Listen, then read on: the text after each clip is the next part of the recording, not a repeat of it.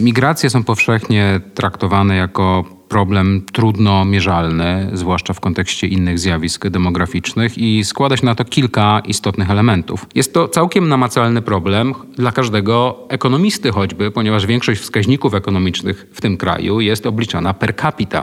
A problem polega na tym, że tak naprawdę nie do końca wiemy, jaka jest liczba mieszkańców naszego kraju. Okazało się, że Polska będąc do niedawna krajem o najniższym odsetku cudzoziemców w populacji, stała się liderem europejskim, jeśli chodzi o pierwsze zezwolenia pobytowe wydawane w ogóle we wszystkich krajach Unii. W zasadzie tylko to, co się działo bezpośrednio w końcowej fazie II wojny światowej może być porównywalne do tego, co się dzieje obecnie w przypadku osób uchodzących przed wojną z Ukrainy. Migracja nie jest czarno-biała. I tak naprawdę potrzeba nam zniuansowanej, ale przede wszystkim rzetelnej debaty na temat migracji i skutków. To tworzy według mnie fundamentalny kontekst dla debaty na temat polskiej polityki migracyjnej. I tych pytań, które wciąż sobie stawiamy, a mianowicie, czy ona jest w ogóle potrzebna, a jeśli tak, to jaka ta polityka byłaby nam potrzebna. Dzień dobry. Zapraszam na podcast w rytmie ekonomii, w którym badaczki i badacze z Wydziału Nauk Ekonomicznych Uniwersytetu Warszawskiego opowiadają o inflacji i polityce pieniężnej, o migracjach i edukacji, o klimacie i nowych technologiach, o kryptowalutach i rynkach finansowych, o globalizacji i szarej strefie. Wiedza i doświadczenie naszych gości pozwolą nam lepiej zrozumieć zagadnienia, które dotyczą nas wszystkich, choć nie zawsze zdajemy sobie z tego sprawę. Co dwa tygodnie, w czwartkowe popołudnia, na otaczający nas świat spojrzymy okiem naukowców, ale opowiemy go językiem zrozumiałym dla wszystkich. Znajdziecie nas na najważniejszych platformach podcastowych, a więcej informacji o nas szukajcie na stronie Wydziału Nauk Ekonomicznych UW i w mediach społecznościowych. Ja nazywam się Dominika Milczarek-Andrzejewska i pracuję na Wydziale Nauk Ekonomicznych Uniwersytetu Warszawskiego. Zapraszam na dzisiejszy odcinek. Witamy w podcaście w rytmie ekonomii. Dziś naszym gościem jest profesor Paweł Kaczmarczyk, a rozmawiać będziemy o migracji i migrantach. Ja się nazywam Dominika Milczarek-Andrzejewska i poprowadzę dzisiejszą rozmowę. Witaj, Pawle. Witam serdecznie, witam wszystkich Państwa. Profesor Paweł Kaczmarczyk pracuje w Katedrze Ekonomii Ludności i Demografii na Wydziale Nauk Ekonomicznych. Jest także dyrektorem Ośrodka Badań nad Migracjami Uniwersytetu Warszawskiego, koordynatorem Centrum Doskonałości w Naukach Społecznych Uniwersytetu Warszawskiego, a także członkiem Komitetów Panowskich, Komitetu Badań nad Migracjami i Komitetu Badań Demograficznych PAN. Dziś ta rozmowa będzie dotyczyła, czy będziemy ją głównie prowadzić wokół kwestii migracji z Ukrainy, bo obecnie profesor Kaczmarczyk wraz ze współpracownikami prowadzi na UW program badawczy pod tytułem Pomiędzy Ukrainą i Polską. Migranci ukraińscy w Polsce w czasie wojny.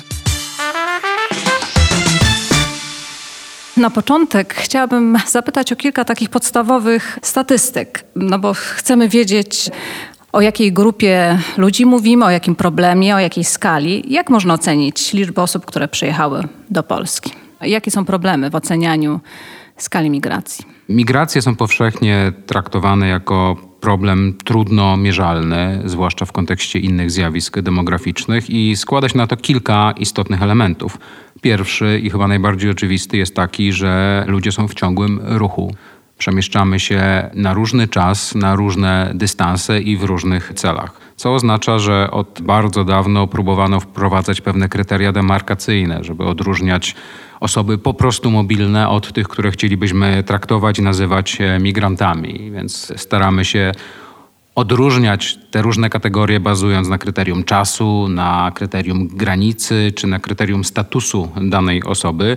Natomiast niezależnie od tego, że wprowadzamy sobie te próby, to wszystkie z nich są obarczone jakimś ryzykiem błędu i po prostu nie są doskonałe. Po drugie, mamy do czynienia z różnymi typami migracji. Myślę, że dzisiaj w trakcie naszego spotkania wielokrotnie będziemy do tego wracać, zwłaszcza dotykając kwestii migracji czasowych albo cyrkulacyjnych, które w oczywisty sposób są najtrudniejsze do oceny, do pomiaru.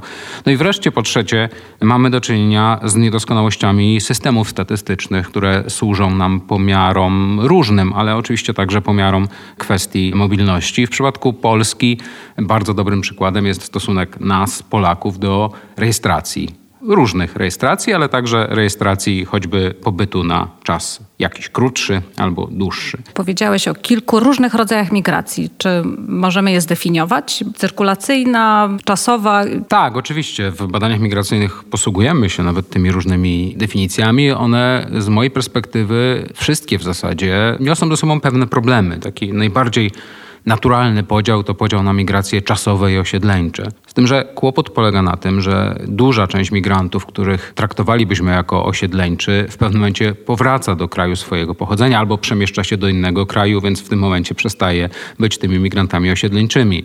Jeszcze bardziej kontrowersyjny podział dotyczy migrantów, którzy migrują dobrowolnie i tych, którzy są zmuszeni do migrowania, czyli są traktowani jako migranci przymusowi. Generalnie, kiedy mówimy o tych typach, Posługując się choćby konwencją zaproponowaną przez Organizację Narodów Zjednoczonych, zwykle jako migrantów krótkookresowych traktuje się tych, którzy przebywają w jakimś kraju od 3 miesięcy do 12 miesięcy.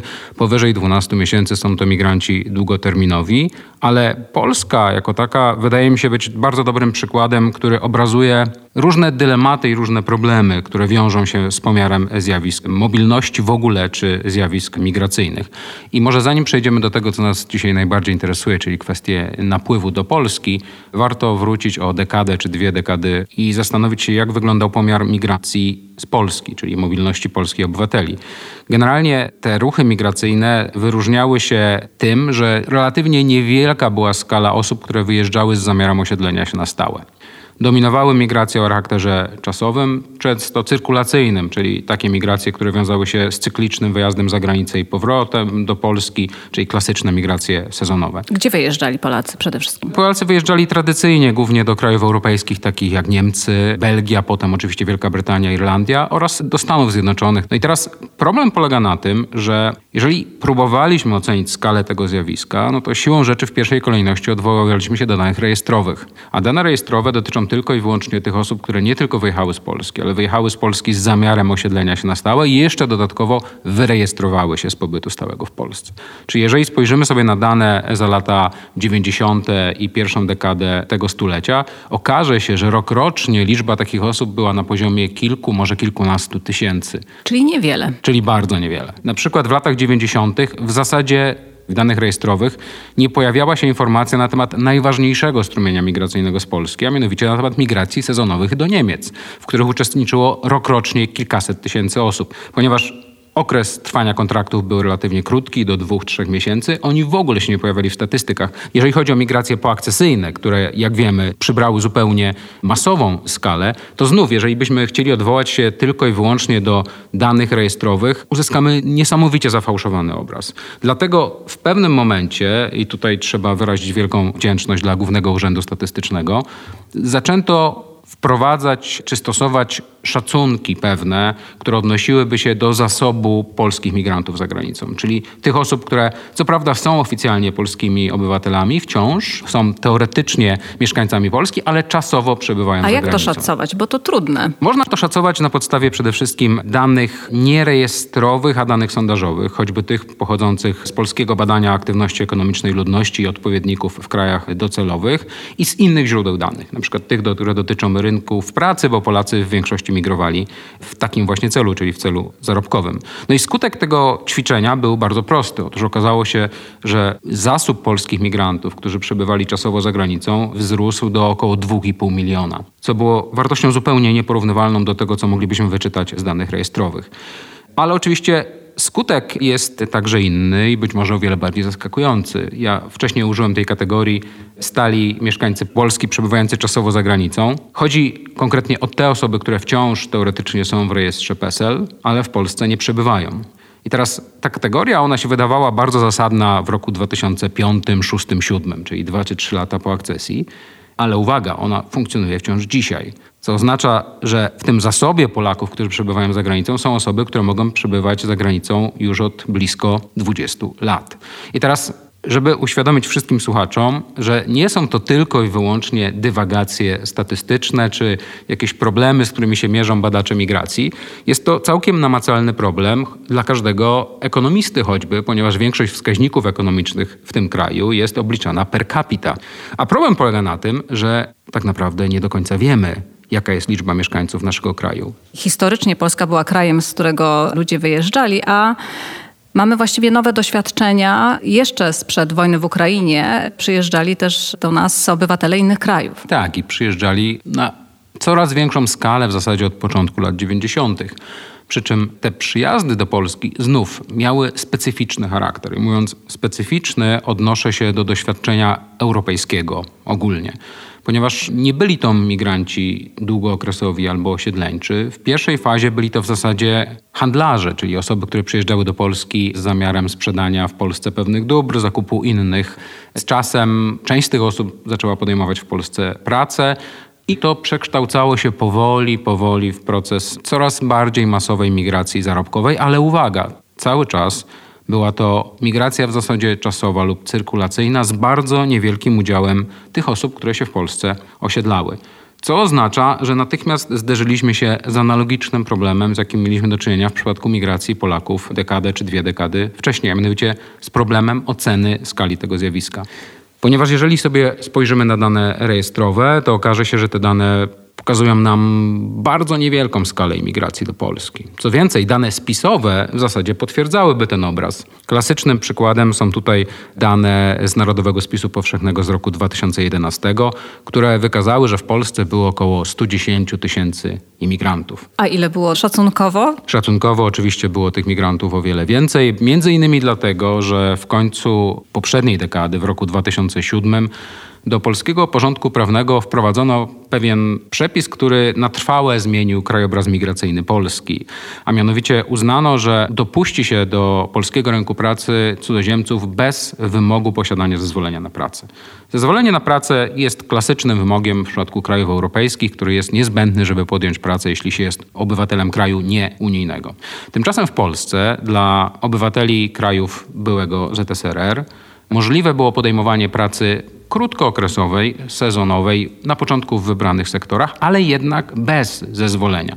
W zasadzie tylko i wyłącznie na podstawie deklaracji pracodawcy, który deklarował gotowość zatrudnienia danego pracownika, ten mógł się ubiegać o wizę i tak dalej, i tak. Czyli olbrzymie ułatwienie olbrzymie ułatwienie i tak naprawdę niezwykle wyjątkowe jak na warunki europejskie. Oczywiście na samym początku to rozwiązanie, które zostało wprowadzone, żeby ułatwić dostęp do taniej siły roboczej polskim sadownikom przede wszystkim, było wykorzystywane w stosunkowo niewielkim stopniu, ale okazało się być ono absolutnie użyteczne po roku 2014, kiedy wybuchła pierwsza wojna w Ukrainie i kiedy okazało się, że z jednej strony mieliśmy do czynienia z coraz większym napływem osób, które próbowały opuścić Ukrainę, najpierw ze względu na wojnę, a potem także ze względu na kryzys społeczny i ekonomiczny.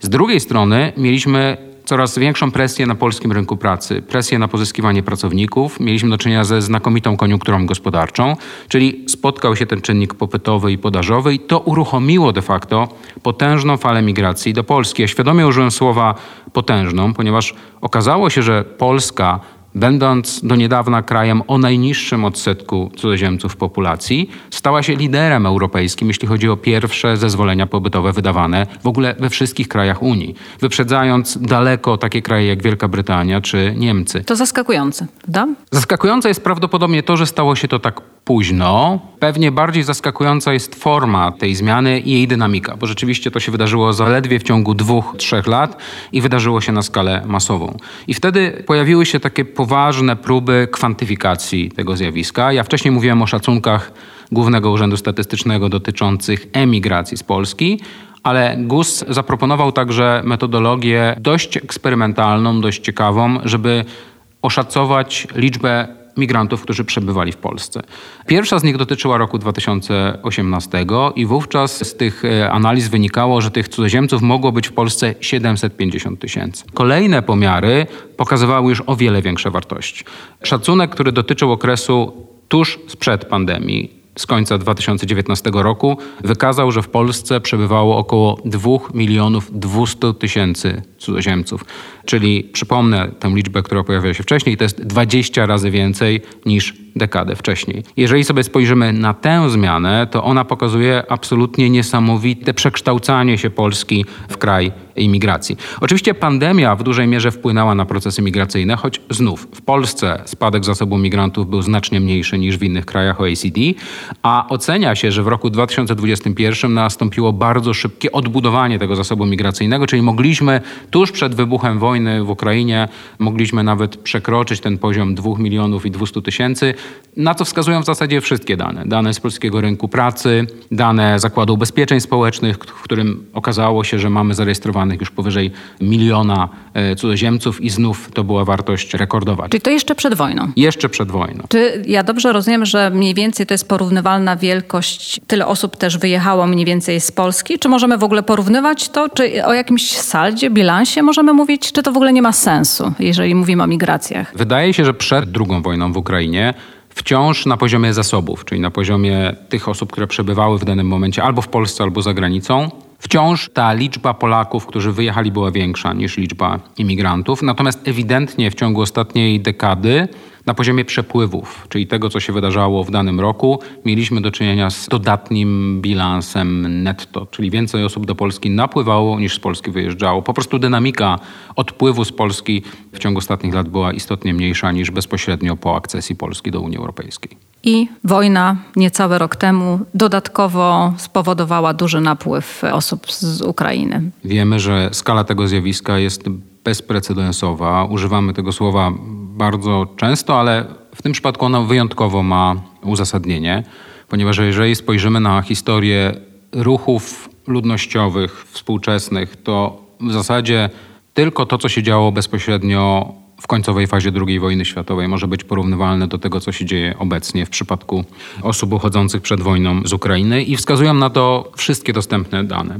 Oczywiście znowu wracam do początku naszej rozmowy.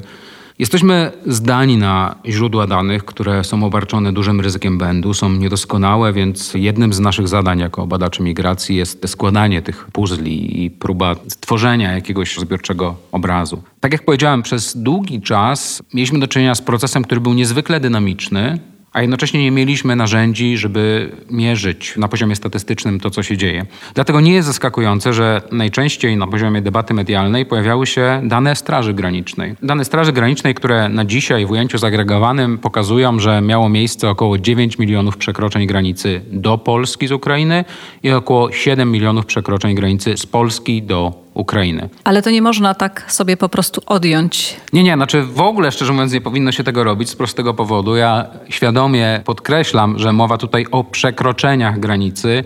To nie są dane dotyczące unikalnych osób. Wiemy doskonale, że od pewnego momentu zostały uruchomione pewne procesy cyrkularnych migracji, przemieszczania się między Ukrainą i Polską. Wiemy, że osoby, które dotarły do Polski, ponieważ mają taką możliwość, starają się w miarę możliwości odwiedzać swoich bliskich i znajomych w Ukrainie. Wreszcie w tych statystykach przekroczeń granicy w oczywisty sposób pojawiają się także osoby, które choćby docierają z pomocą humanitarną do Ukrainy. W związku z tym te dane, one są naprawdę wielce niedoskonałe. Pokazują olbrzymią skalę zjawiska i pokazują coś jeszcze. Na przykład to, że większość napływu do Polski, ale także do innych krajów dokonała się w ciągu zaledwie 4-8 pierwszych tygodni od wybuchu wojny. To, co się dzieje od tego momentu, to jest swojego rodzaju normalizacja, stabilizacja. Dynamika się zmienia, na przykład w okresie przedświątecznym widać było wyraźnie zwiększony odpływ z Polski do Ukrainy. W innych okresach może to wyglądać inaczej. Spodziewaliśmy się, szczerze mówiąc, że zima i intensyfikacja działań wojennych w Ukrainie spowoduje ponowną falę napływu. Jak dotąd w danych statystycznych tego nie widać, ale tak jak powiedziałem, te dane Straży Granicznej, one są dobrym wskaźnikiem takim krótkookresowym, który pozwala śledzić trendy w bardzo krótkiej perspektywie, natomiast nie mówią nam wiele więcej. W związku z tym szukaliśmy innych danych Szukaliśmy, ale też potrzebowaliśmy innych danych.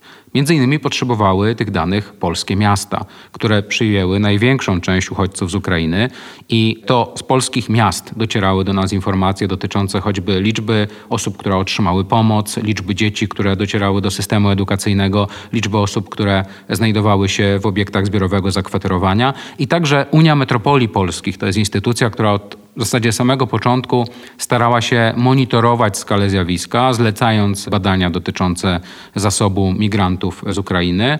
I te dane rzucały zupełnie nowe światło na ten proces, z którym się mierzymy i to Światło było pewnie dla wielu dość zaskakujące. Co z nich wiemy? Z jednego z tych pomiarów na przykład wynikało, że liczba obywateli Ukrainy, którzy przebywali w polskich miastach, to była liczba rzędu 3,5 miliona. To były dane za kwiecień.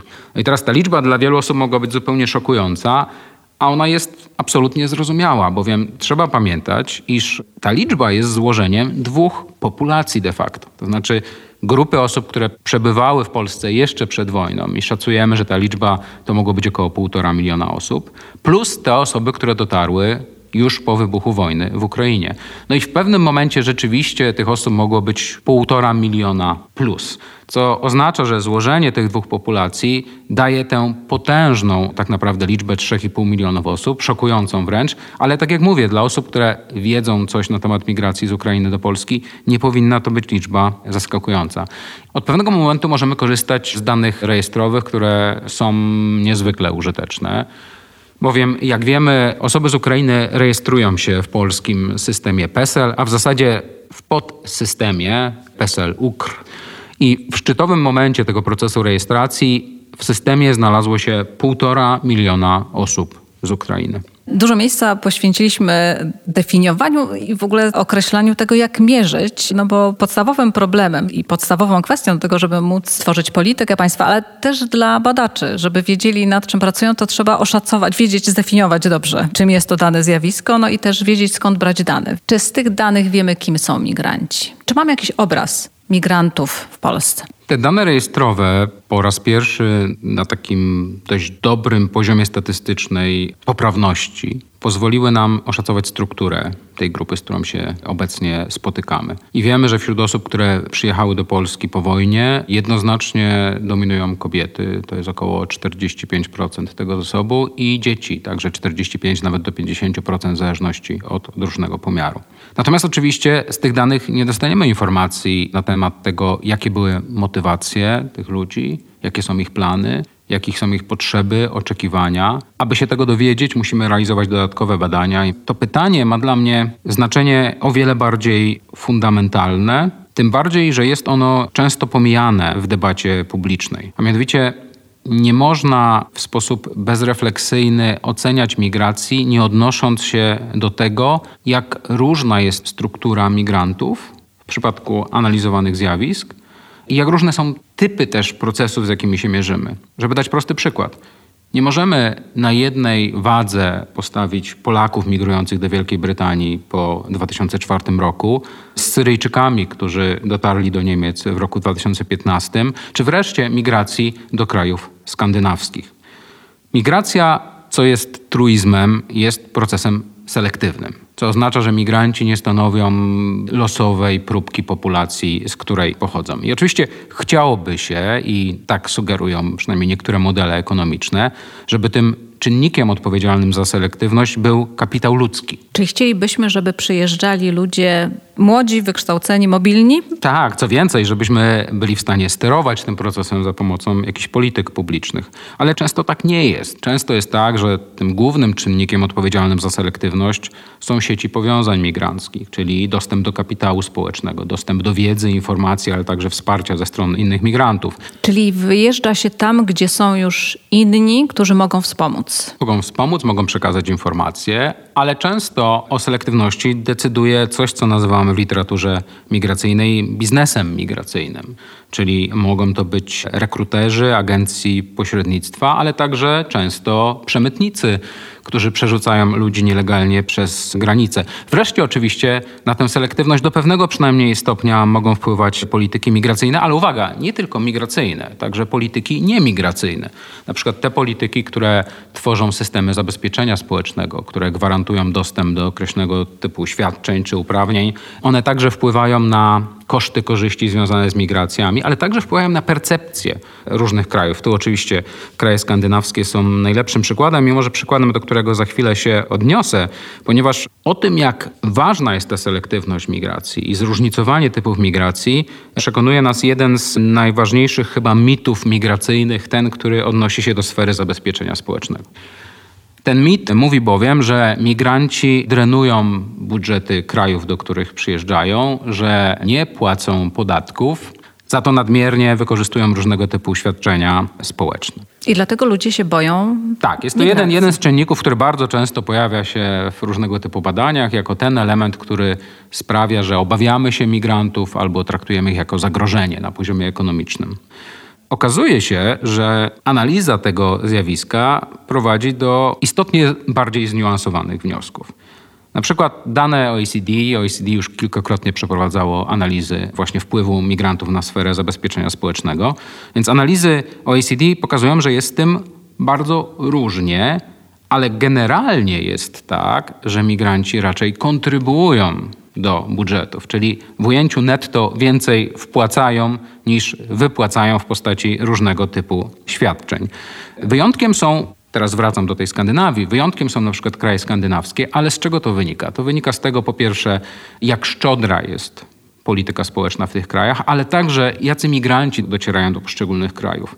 Nie jest zaskakujące to, że migracja jest bardziej kosztowna dla kraju przyjmującego, jeżeli połowa mniej więcej migrantów, a tak to jest w wielu krajach skandynawskich, to są uchodźcy, osoby potrzebujące wsparcia i pomocy, często takie osoby, które na przykład nie mogą podjąć zatrudnienia. Ale to rozumiem też zależy od polityki dopuszczającej do rynku pracy. Jeżeli ona jest zbyt restrykcyjna, to wówczas nawet jeżeli przyjadą osoby, które mogłyby kontrybuować do gospodarki, nie mogą tego robić, prawda? Oczywiście. No, moim zdaniem jednym z większych problemów europejskiej polityki azylowej jest choćby to, że wciąż w wielu krajach osoby, które wchodzą w procedurę azylową, to znaczy starają się uzyskanie statusu uchodźcy, nie mają zgody na pracę co oznacza, że już na wstępie w zasadzie dezaktywizują się, nie mają możliwości powolnego wchodzenia na ten rynek pracy i potem ich szanse aktywizacji istotnie spadają.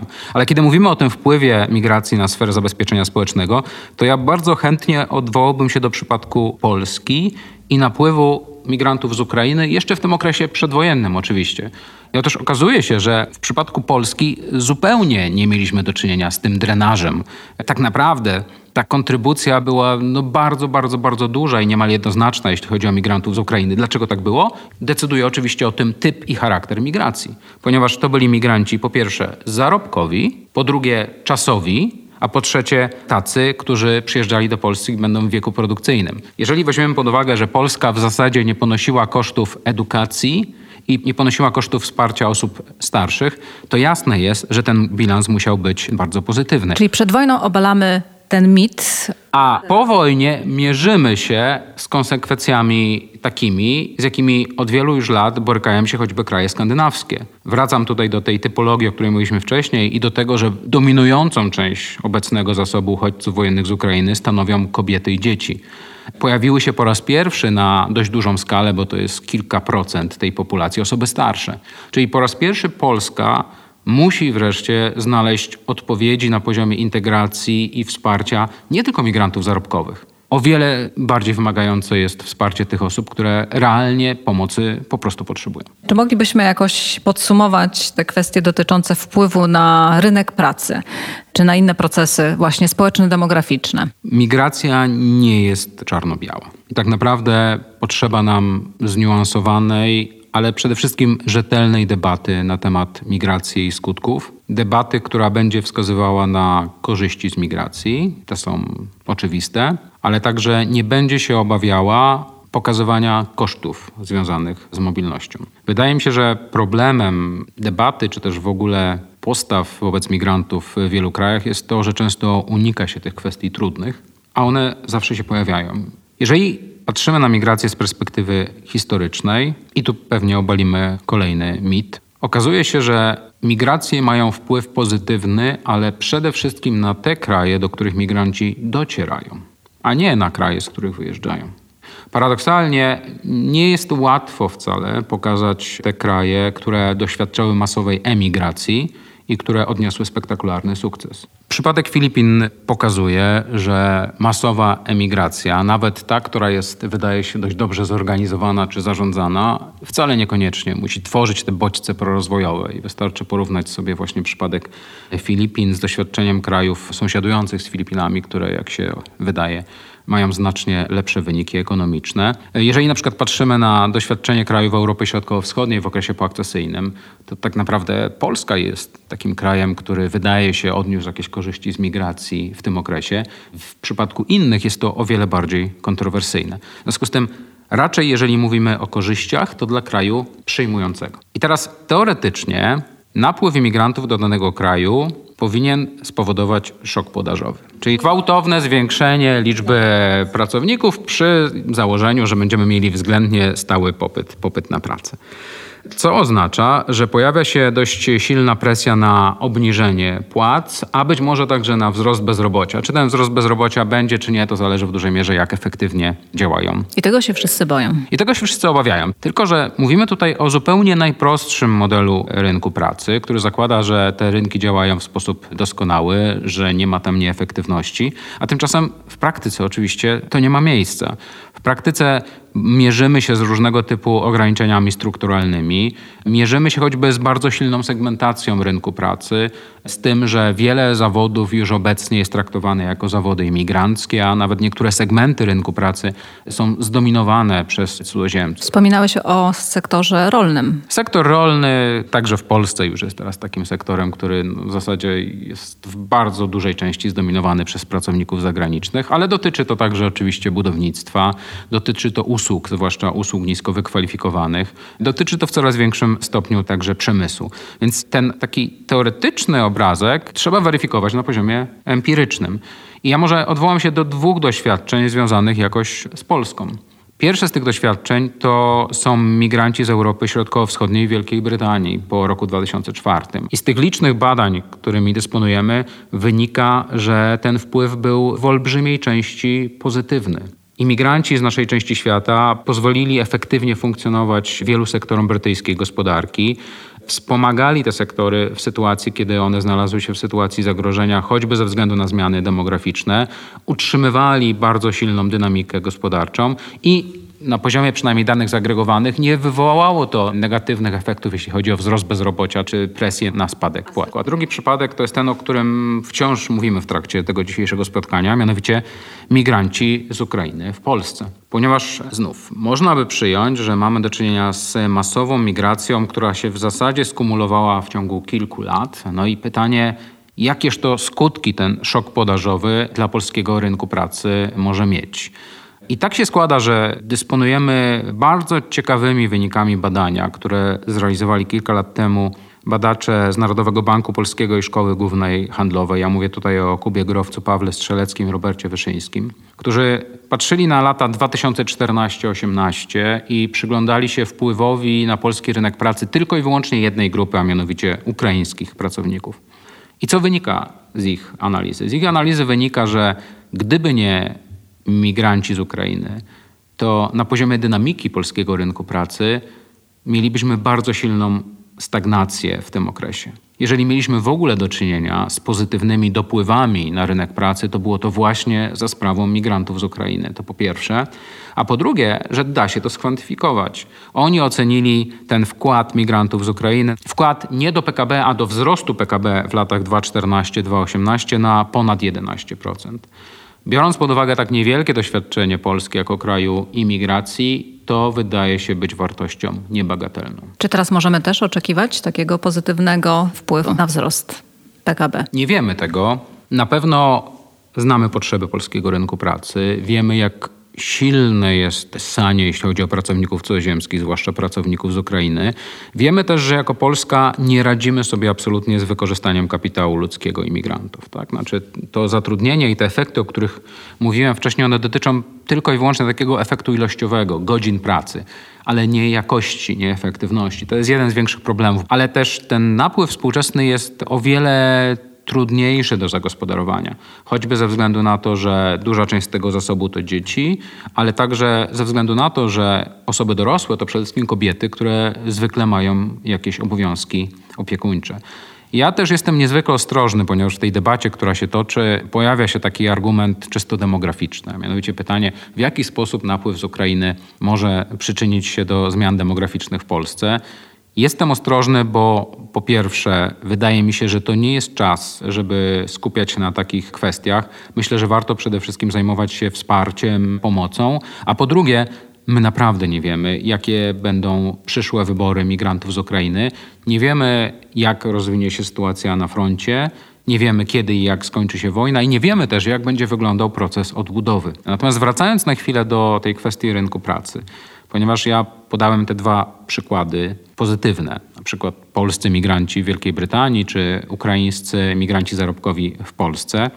Ale oczywiście nie powinniśmy być naiwni, ponieważ migracje, jak każdy proces społeczny, mają także pewne efekty negatywne, albo przynajmniej istnieje możliwość, że takowe zaistnieją. Jeżeli mówimy o tym szoku podażowym, czyli bardzo dużym napływie w krótkim czasie, to oczywiście taki napływ będzie miał wpływ na osoby najsłabiej wykształcone, bo to one zwykle są w takiej sytuacji konkurencyjnej wobec imigrantów. Może się pojawić pewien efekt wypierania pracowników cudzoziemskich, czyli na poziomie zwłaszcza lokalnym takie efekty mogą wystąpić. Wreszcie migracja będzie miała wpływ nie tylko na rynek pracy, ale na inne rynki. Znów klasyczny przykład to rynek mieszkaniowy, który siłą rzeczy będzie odczuwał skutki masowego napływu, ale przede wszystkim obok tego mamy skutki nie tylko ekonomiczne, efekty społeczne, polityczne, kulturowe i w moim przekonaniu to, co jest najbardziej problematyczne, to jest mieszanka tych różnych efektów. I ten napływ migracyjny do Wielkiej Brytanii potem wydarzenia związane z referendum Vote to Leave i samym procesem opuszczania struktur unijnych przez Wielką Brytanię. Ponieważ jednym z głównych podejrzanych, że tak się wyrażę, tego zjawiska byli oczywiście migranci. I to się pojawiało w wielu analizach. Oczywiście pojawiało się też na poziomie debaty publicznej i debaty politycznej, jak doskonale wiemy, jak doskonale pamiętamy. Pojawiło się już sporo badań, które próbują się mierzyć z tą kwestią i zadają pytanie, czy i na ile można obarczać winą za Brexit migrantów, zwłaszcza z naszej części świata. No i te dane na poziomie zagregowanym pokazują, że w zasadzie nie ma takiej zależności. Że trudno byłoby powiedzieć, że ten wpływ jest. Tym bardziej, że jak powiedziałem, na poziomie zagregowanym on jest pozytywny. Ale, i to ale okazuje się być całkiem istotne. Jeżeli dokonamy pewnej dezagregacji, czyli spojrzymy na poziom poszczególnych społeczności lokalnych, mniejszych rynków albo subrynków, okazuje się, że coś jest na rzeczy. A mianowicie w przypadku obszarów staroprzemysłowych, takich, gdzie mamy do czynienia z sektorami schyłkowymi, takich obszarów, gdzie mamy nadreprezentację osób nisko wykształconych w Wielkiej Brytanii, okazuje się, że tam bardzo wyraźnie widać i da się wskazać realny, statystycznie istotny wpływ napływu migrantów z Europy Środkowo-Wschodniej na wybory, potem choćby referendalne. To oznacza, że nie powinniśmy się zadowalać takimi uładzonymi, zagregowanymi obrazkami, powinniśmy sięgać jak najniżej, przyglądać się temu, co się dzieje na poziomie poszczególnych sektorów, poszczególnych podsektorów, także na poziomie społeczności lokalnych. Pamiętajmy, że migracje i ich skutki wydarzają się właśnie tam. Często w małych społecznościach, często w społecznościach, które jeszcze przed napływem migracyjnym borykały się z różnymi problemami. Migracja może je rozwiązywać, choćby dostarczając zasobów pracy, ale może także je istotnie wzmacniać. Czyli jeżeli zatrzymamy się tylko na obrazie, kiedy powiemy, że migranci przyczyniają się do wzrostu PKB i poprawy na niektórych rynkach pracy, to możemy stracić bardzo ważne wnioski. Możemy nie zauważyć ważnych procesów, które się dzieją. Jeszcze jedno bardzo ważne pytanie. Podawałeś przykłady różnych krajów i tego, jak różne kraje sobie z tym radziły, doświadczenia Polski, ale czy te doświadczenia innych krajów mogą być dla nas przydatne, dla polityki państwa? Czy można w ogóle porównywać różne fale migracji, różne kraje i czerpać z doświadczeń innych krajów? Co inne kraje zrobiły źle, co zrobiły dobrze, co możemy my wykorzystać? Migracje są procesem masowym. Oczywiście mocno zakorzenionym w otoczeniu społeczno-ekonomicznym, oczywiście procesem, który jakoś tam odzwierciedla to, co się dzieje w danym miejscu i czasie, ale jednak procesem o dających się zidentyfikować cechach, czyli jakichś powtarzalnych wzorcach. I między innymi dlatego nauka zajmuje się identyfikacją tych wzorców i też próbą ich kategoryzacji, pewnie kwantyfikacji. Między innymi stąd w pewnym momencie pojawiła się koncepcja, która nawiązuje do licznych teorii przejść w demografii. A ta koncepcja to teoria przejścia migracyjnego albo cyklu migracyjnego, która, jak się wydaje, bardzo dobrze będzie chyba podsumowywała to nasze dzisiejsze spotkanie. Ta koncepcja zakłada w dużym uproszczeniu, że większość krajów wysoko rozwiniętych w pewnym momencie zmienia swój status. To znaczy z krajów emigracji netto, czyli takich, gdzie przeważa odpływ, staje się krajami imigracji netto. W tym ujęciu pierwotnym zakładano, że głównym czynnikiem jest czynnik demograficzny, czyli że najpierw przeludnienie skłania ludzi do migrowania, a potem z kolei deficyty demograficzne zachęcają nas do tego, żeby rekrutować pracowników z zagranicy. Polska przez wiele lat przeczyła tym prostym demograficznym wyjaśnieniom i raczej była pokazywana jako przypadek szczególny, odstępstwo od ogólnej reguły. Generalnie Polska jest w gronie maruderów tych zmian. To znaczy jest takim krajem, gdzie to przejście dokonuje się w zasadzie obecnie. Te dane, od których zaczęliśmy, te, które pokazywały, że gdzieś tuż przed pandemią osiągnęliśmy bardzo duży zasób migracyjny i dopiero wtedy prawdopodobnie można było mówić, że Polska stała się krajem imigracji netto, czyli takim krajem, gdzie mamy większą liczbę imigrantów niż emigrantów. Ale ja wielokrotnie nawiązuję do tej koncepcji nie dlatego, żeby próbować gdzieś wtłaczać Polskę w jakieś tam ramy, jakieś kategorii, ale głównie dlatego, żeby zwracać uwagę na to, że Polska z tego względu jest stawiana w szeregu tak zwanych nowych krajów docelowych. I to jest moim zdaniem użyteczna kategoria, ponieważ ona zwraca uwagę na kilka wymiarów, kilka cech takich krajów albo regionów, bo to nie musi być kraj, to może być region. Na przykład Szkocja to była taka przestrzeń geograficzna, która doświadczała podobnych zjawisk po 2004 roku. Czy to znaczy, że stajemy się krajem atrakcyjnym, żeby do Oczywiście nas tak, żeby, żeby tak? to przejście się dokonało, musimy się stać krajem atrakcyjnym i to ta atrakcyjność może mieć różny wymiar. To dotyczy nie tylko rynek pracy. Zwróćmy uwagę, że po wojnie w Ukrainie na przykład okazało się, że sąsiedztwo jest ważnym wymiarem atrakcyjności, ale także percepcja Polski jako kraju przyjaznego, kraju, który świadczy wsparcie i oferuje pomoc. Więc te wymiary mogą być bardzo różne. Ale co to znaczy bycie tym nowym krajem docelowym? No po pierwsze to oznacza, że społeczeństwo przyjmujące ma pewne cechy. Na przykład jest zwykle homogeniczne etnicznie. To znaczy, że imigranci napływający do danego kraju docierają do bardzo mało zróżnicowanej populacji. I oczywiście, kiedy dzisiaj mówimy o Ukraińcach, to można powiedzieć, że te różnice etniczne nie są duże, ale jednak są.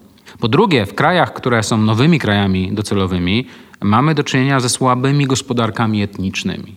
To znaczy gospodarkami etnicznymi, to znaczy takimi gospodarkami, które zostały stworzone przez imigrantów i często dla innych imigrantów. Te enklawy etniczne one są o tyle istotne, że stanowią punkt oparcia i wsparcia dla nowo przybywających migrantów, a tymczasem w Polsce w zasadzie ich nie ma. Oczywiście mamy pewną gospodarkę etniczną, jeżeli mówimy choćby o migrantach z Wietnamu, z Turcji czy z Gruzji, ale nie w przypadku Ukrainy. I wreszcie najważniejsza rzecz.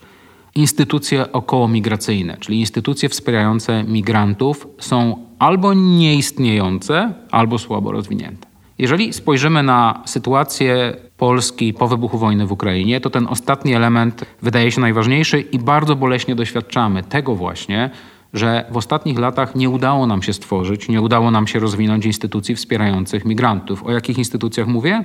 Mówię choćby o włączaniu dzieci imigranckich do systemu edukacyjnego, mówimy o dostępie do usług publicznych, mówimy o dostępie do opieki zdrowotnej, mówimy o systemie rozpoznawania, uznawania kwalifikacji itd. Tak itd. Tak Czy to się udało w takich krajach jak Niemcy? Skąd możemy czerpać te Oczywiście, to się udało w bardzo wielu krajach. Co więcej, od co najmniej dekady w Polsce pojawiają się raz za razem postulaty, że powinniśmy wprowadzać elementy polityki integracyjnej na różnych poziomach, ale jak wiemy, do dzisiaj to się nie udało. Jakie to ma znaczenie i jakie znaczenie mają doświadczenia innych krajów? Wydaje mi się, że warto patrzeć przy tych wszystkich różnicach, oczywiście, o których też dzisiaj mówiliśmy, warto patrzeć na te doświadczenia i zastanawiać się, jakie lekcje z nich wynikają. Że po pierwsze, to, że migracje niosą za sobą potencjał rozwojowy. I to, że ten potencjał rozwojowy dotyczy przede wszystkim krajów, do których migranci docierają.